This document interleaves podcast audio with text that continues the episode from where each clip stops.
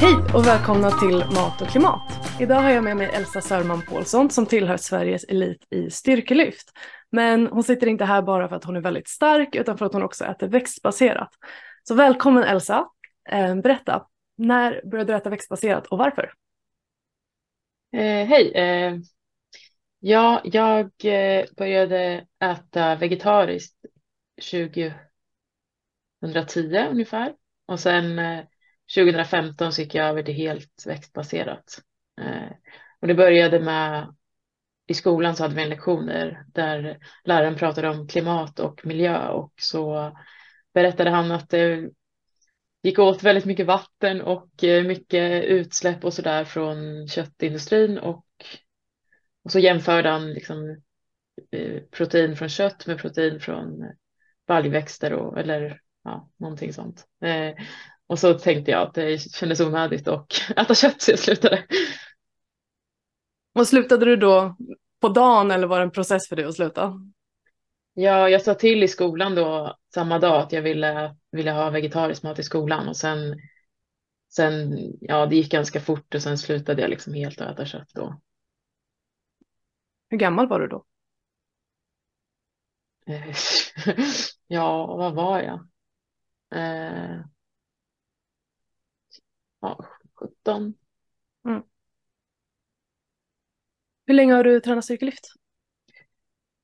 Um, sen 2018, 2018 i november gjorde jag min första tävling. Uh, så sen hade jag tränat med lite varierat innan det. Sen kanske 2014 så hade jag um, ja, trä, alltså tränat gym och lite, men mer blandat så här, kroppsviktsträning och gymnastik och lite sånt. Du har gjort en snabb resa um, ja. utvecklingsmässigt. Ja. Um, hur ser en dag, en, ja, en dag av mat ut för dig? Um, ja, till frukost brukar jag äta så här, havre och risblandning med grö mm -hmm. gröt.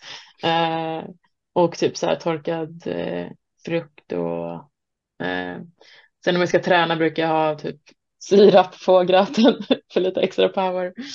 Eh, och sen har jag proteinpulver i gröten också. Eh, sen oftast brukar jag träna efter frukost. Eh, jag har så här fläck, vad heter det, förtroendearbetstid så jag får jobba när jag vill. Så det är ganska skönt. Så då är det skönt att vara på gymmet när, när det inte är så mycket folk där. Eh, och då brukar jag typ så här, om jag har ett långt pass, oftast så trä, kör jag ju två styrkelyftsövningar, alltså så här att jag kör både knäböj och bänkpress eller så. Eh, och då brukar jag käka någon, ta, ta en gainer eller så, käka, eller fika någonting, ta en delikatoboll i mitten av passet för att orka hela. Eh, sen när jag är klar så äter jag lunch. Eh, och det är ja, typ pasta med någon sås eller potatis och falafel eller ja, någon vanlig veg vegetarisk mat liksom. Eh, och sen eh, käkar middag sen på kvällen och sen brukar jag käka en gång till innan jag går och lägger mig. Och då kan det vara lite olika. Förut brukade jag käka gröt också men nu har jag tröttnat på det så nu brukar jag typ göra någon smoothie eller ja, någonting sånt. Mm. Ser maten annorlunda ut när du är under deff och uppbyggnad och så? Eh, ja, jo, nu var det ett år sedan jag behövde gå ner i vikt för en viktklass för jag bestämde mig för att eh, eh sluta med det.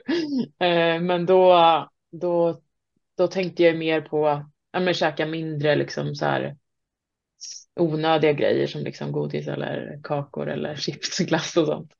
Och så tänkte jag mer så här äta mer grönsaker och mer liksom så här hälsosam mat, typ så. Eh, men eh, och nu, nu försöker jag egentligen gå upp i vikt för att komma upp i den nya viktklassen. Så nu försöker jag bara äta så mycket som möjligt och även så här dricka kalorier och ja, så. Mm. Hur tänker du kring eh, proteinkvalitet och så? Hur, hur många gram protein äter du per dag? Eh, när, jag gick, när jag skulle gå ner i vikt så då räk, brukade jag räkna liksom så här, alltså logga all min mat så jag, så jag höll koll att jag inte åt för lite heller för man vill ju också ha man vill ju gå ner i lagom takt så man också bibehåller styrkan och inte, inte blir för svag liksom. Så då brukade jag logga maten. Eh, och då försökte jag äta i alla fall två gram per kilo kroppsvikt. Så nu, nu brukar jag inte logga det så mycket men jag gör det ibland för att typ, och jag tror det typ hamnar på samma nu. Ungefär. Men det är nog mer varierat från dag till dag nu. Beroende på om man äter sojafärs eller linser eller mm. så. Så ja. Okej, men om vi backar ett steg då. Um, ser du några fördelar med att äta växtbaserat som styrkelyftare? Nu har du ju varit, eller ätit växtbaserat under hela din karriär som styrkelyftare, men mm. vad har du för uppfattning? Nej, alltså jag vet inte riktigt. Jag, jag tränade ju lite när jag, alltså jag, jag tränade ju ingenting innan jag blev vegetarian. Men när jag gick från att vara vegetarian till att äta helt växtbaserat så tyckte jag ändå att jag blev liksom piggare, men jag vet inte om det är någonting som jag bara fick för mig eller om det faktiskt var så. Det, det vet mm. jag inte. Vad ser du för utmaningar då eh, som styrkelyftande växtbaserad? Ehm, nej, jag vet inte om jag ser några problem specifikt kopplat till styrkelyft. Det är väl mer om man är utomlands och ska käka ute liksom eller få tag på mat innan någon tävling eller sådär. Att det kan vara svårare. När man liksom i Sverige så vet man ju vad som finns i en ICA och Coop butik eller något sånt där. Men eh, det är typ sådana grejer som kanske kan vara lite, typ så här, ska jag behöva ta med mig någonting hemifrån eller så.